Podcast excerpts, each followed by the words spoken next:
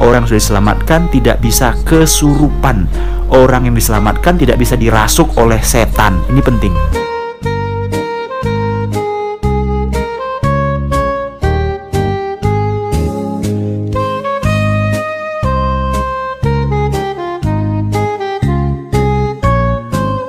Roma pasal yang ke-8 kita akan membaca pada ayat yang ke-35 sampai ayat yang ke-39 Roma pasal 8 ayat yang ke-35 sampai ayat yang ke-39 Seberapa saudara yang menemukan ayat ini Mari kita akan baca bersama-sama. Demikianlah firman Tuhan. Siapakah yang akan memisahkan kita dari kasih Kristus? Penindasan atau kesesakan atau penganiayaan atau kelaparan atau ketelanjangan atau bahaya atau pedang. seperti ada tertulis, oleh karena engkau kami ada dalam bahaya maut sepanjang hari. Kami telah dianggap sebagai domba-domba sembelihan. Tetapi dalam semuanya itu kita lebih daripada orang yang menang oleh dia yang telah mengasihi kita. Sebab aku yakin baik maut maupun hidup, baik malaikat-malaikat maupun pemerintah-pemerintah, baik yang ada sekarang maupun yang akan datang, atau kuasa-kuasa baik yang di atas maupun yang di bawah. ataupun sesuatu makhluk lain tidak akan dapat memisahkan kita dari kasih Allah yang ada dalam Kristus Yesus Tuhan kita.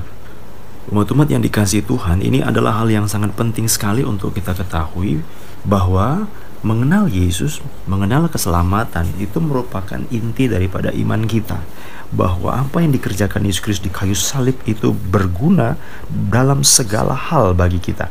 Nah, Alkitab mengatakan, apalagi yang perlu kita katakan jika Allah di pihak kita, jika Allah telah menyelamatkan kita, apalagi yang perlu kita katakan? Roma 8 ayat 31. Itu sebabnya Alkitab mengatakan tiga kata yang penting. Yang pertama dalam ayat 33, siapakah yang akan menggugat orang-orang pilihan Allah? Lalu diungkapkan lagi, siapakah yang akan menghukum mereka? Ayat 33. Lalu diulang lagi, siapakah yang akan dapat memisahkan kita? Siapa yang menggugat kita? Siapa yang menghukum kita? Siapa yang memisahkan kita? Nah, Alkitab mengatakan memisahkan kita dari apa? Alkitab mengatakan memisahkan kita dari kasih Kristus. Jadi memisahkan kita dari kasih Kristus. Memisahkan kita dari kasih Kristus. Jadi objeknya ini adalah kasih Kristus. Objeknya bukan kita tetapi memisahkan kita dari kasih Kristus. Jadi objeknya adalah kasih Kristus. Saudara-saudara yang dikasih Tuhan, kenapa saya perlu menekankan hal ini?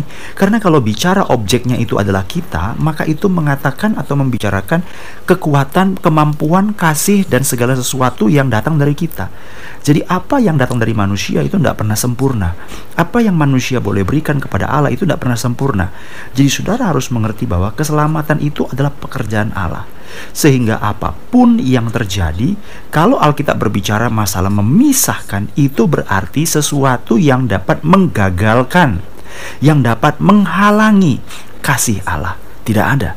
Karena kalau saudara sama seperti begini, dapatkah kita membendung arus sungai yang sangat besar sekali?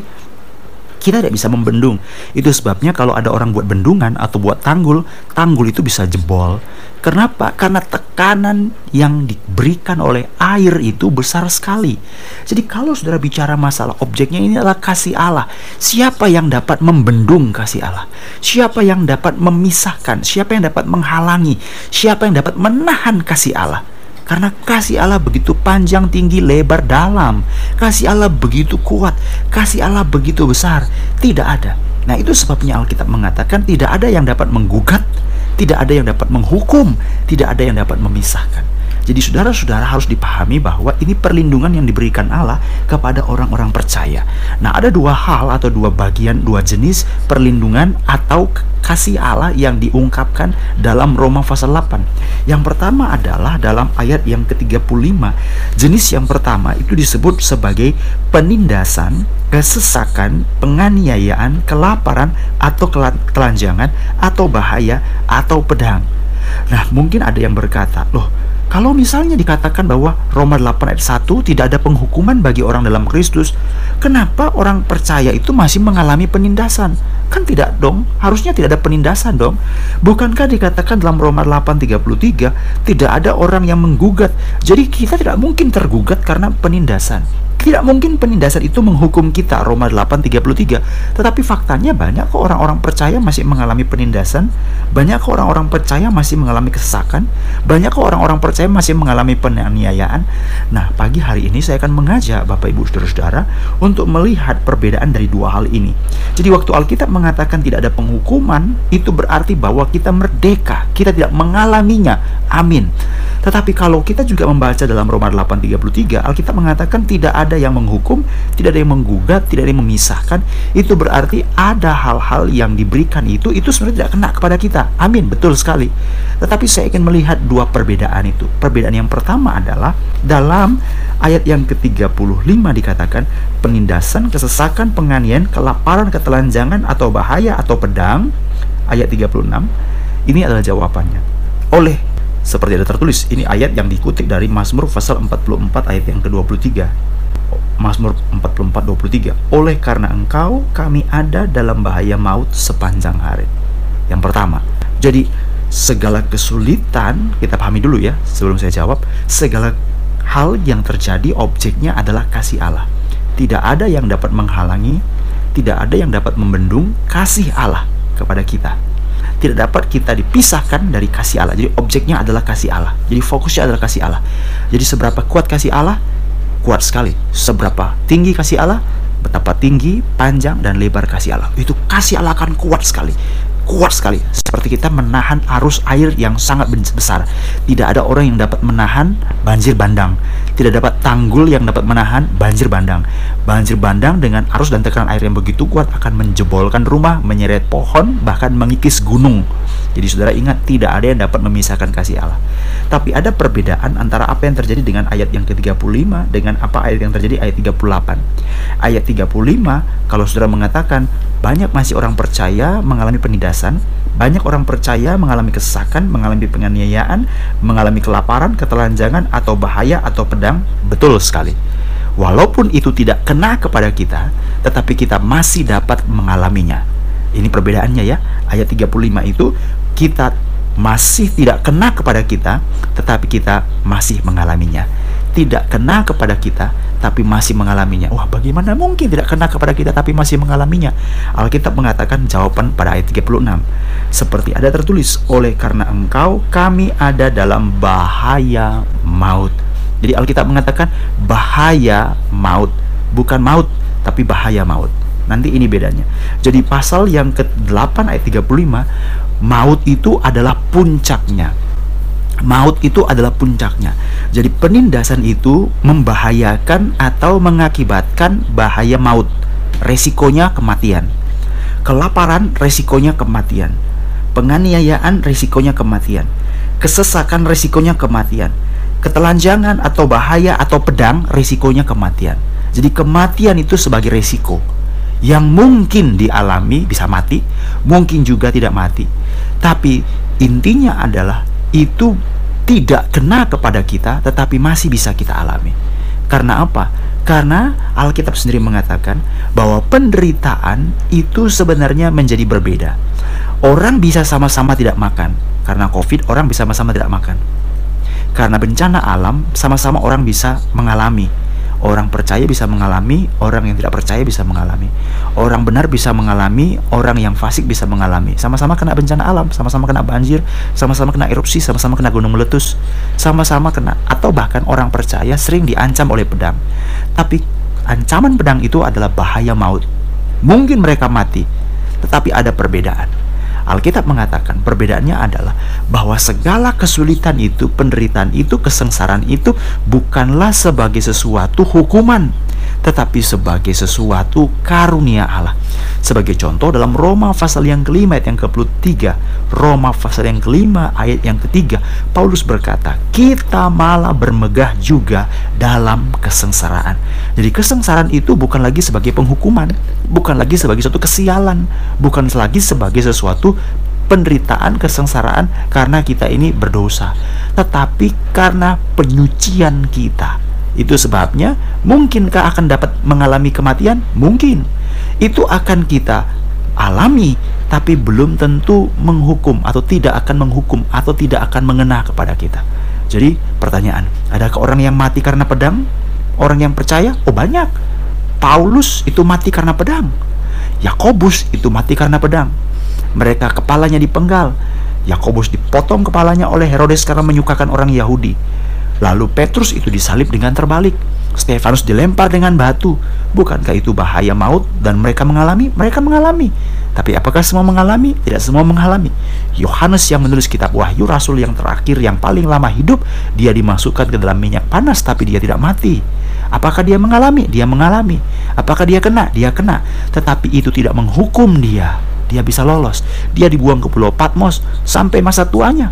Lalu dia kembali dan mati di Efesus sebagai orang yang biasa lagi. Sehingga satu-satunya orang yang tidak mati dalam penderitaan, tetapi mengalami penderitaan. Jadi saudara-saudara, adakah orang yang mati karena pedang? Ada. Tetapi apakah semua mati karena pedang? Tidak.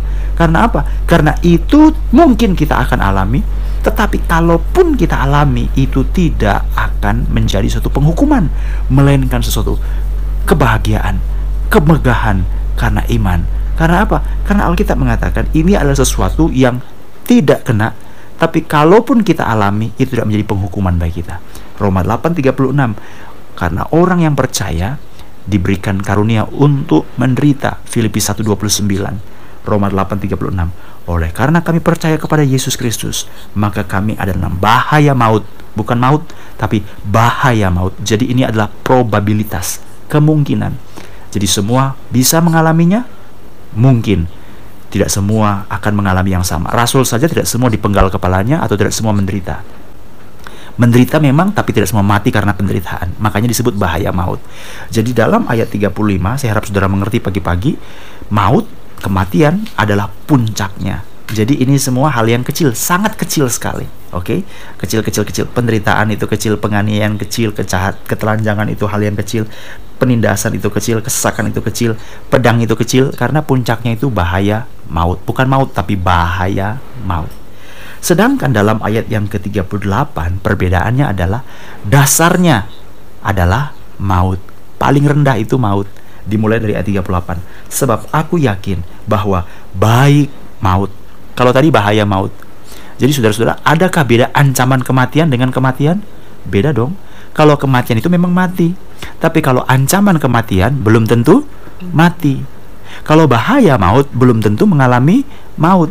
Tapi kalau maut memang sudah pasti mengalami maut gitu loh. Jadi itu dibedakan dari ayat yang ke-35 dan ayat yang ke-38. Jadi ayat yang ke-35 ada kemungkinan orang percaya mengalaminya. Tapi waktu mereka mengalami itu, mereka mengalaminya bukan sebagai penghukuman. Itu sebabnya Alkitab mengatakan tidak ada penghukuman bagi kita.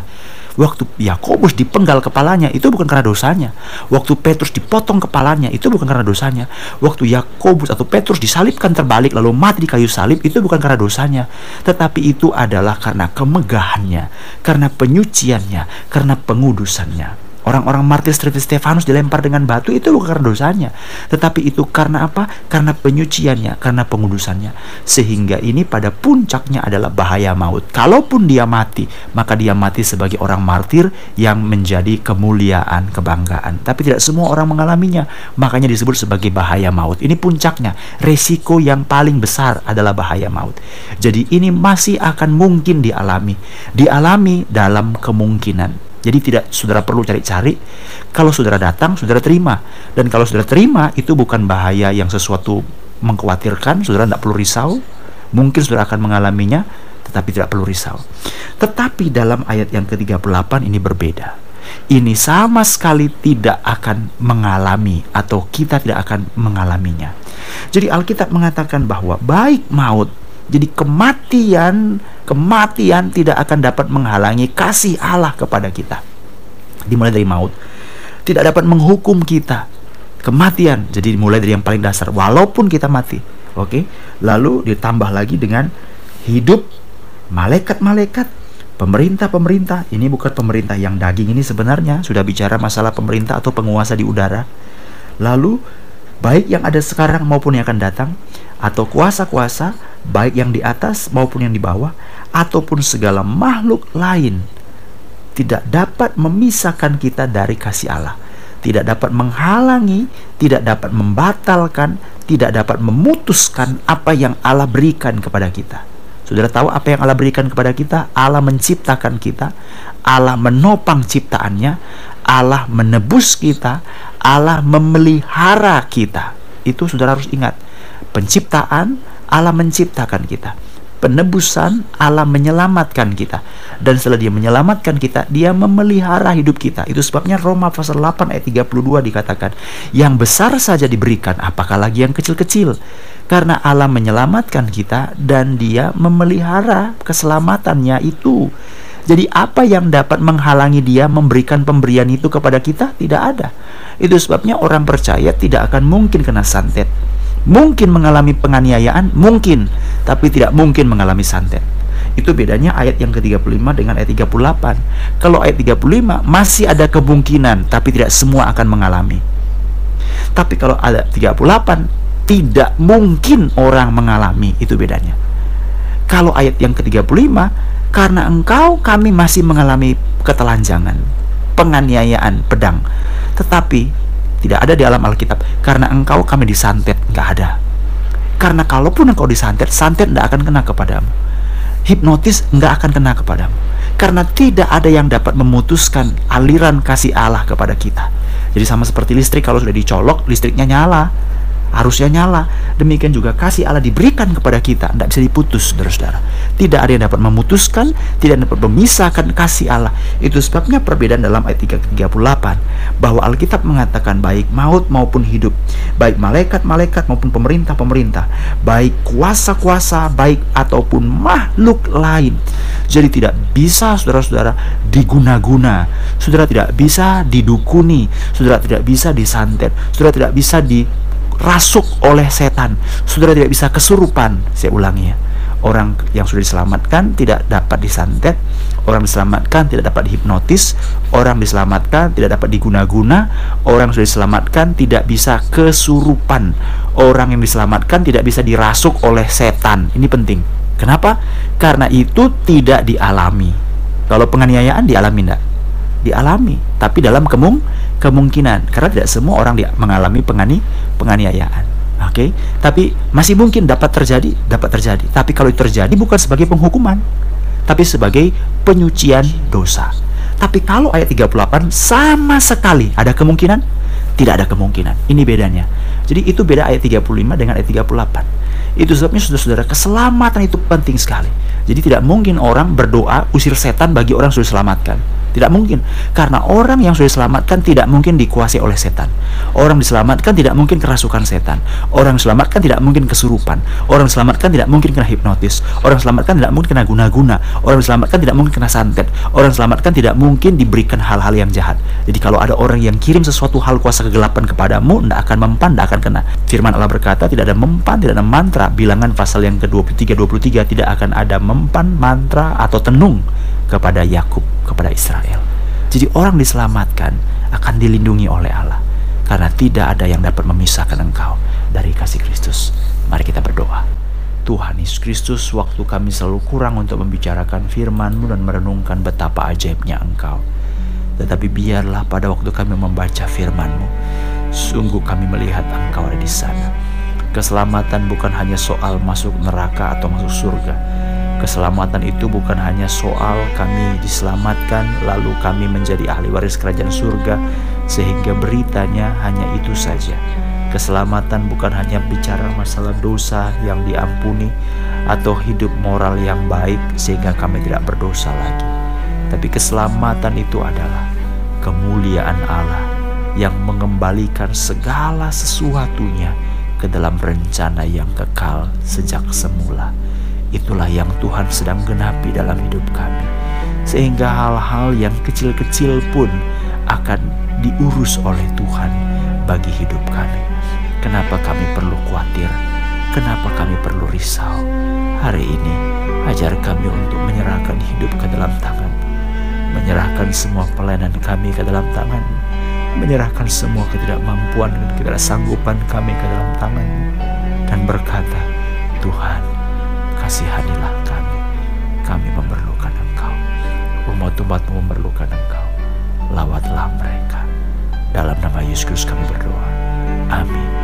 Umat-umat Allah demikianlah anugerah surga bagimu.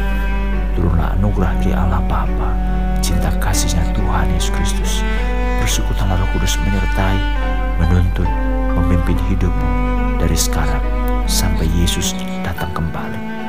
Terimalah anugerah surga, terimalah dengan iman dan berjalan dalam firman Tuhan penuh pengharapan dalam nama Tuhan Yesus Kristus. Amin. Selamat pagi bagi saudara semuanya. Puji Tuhan.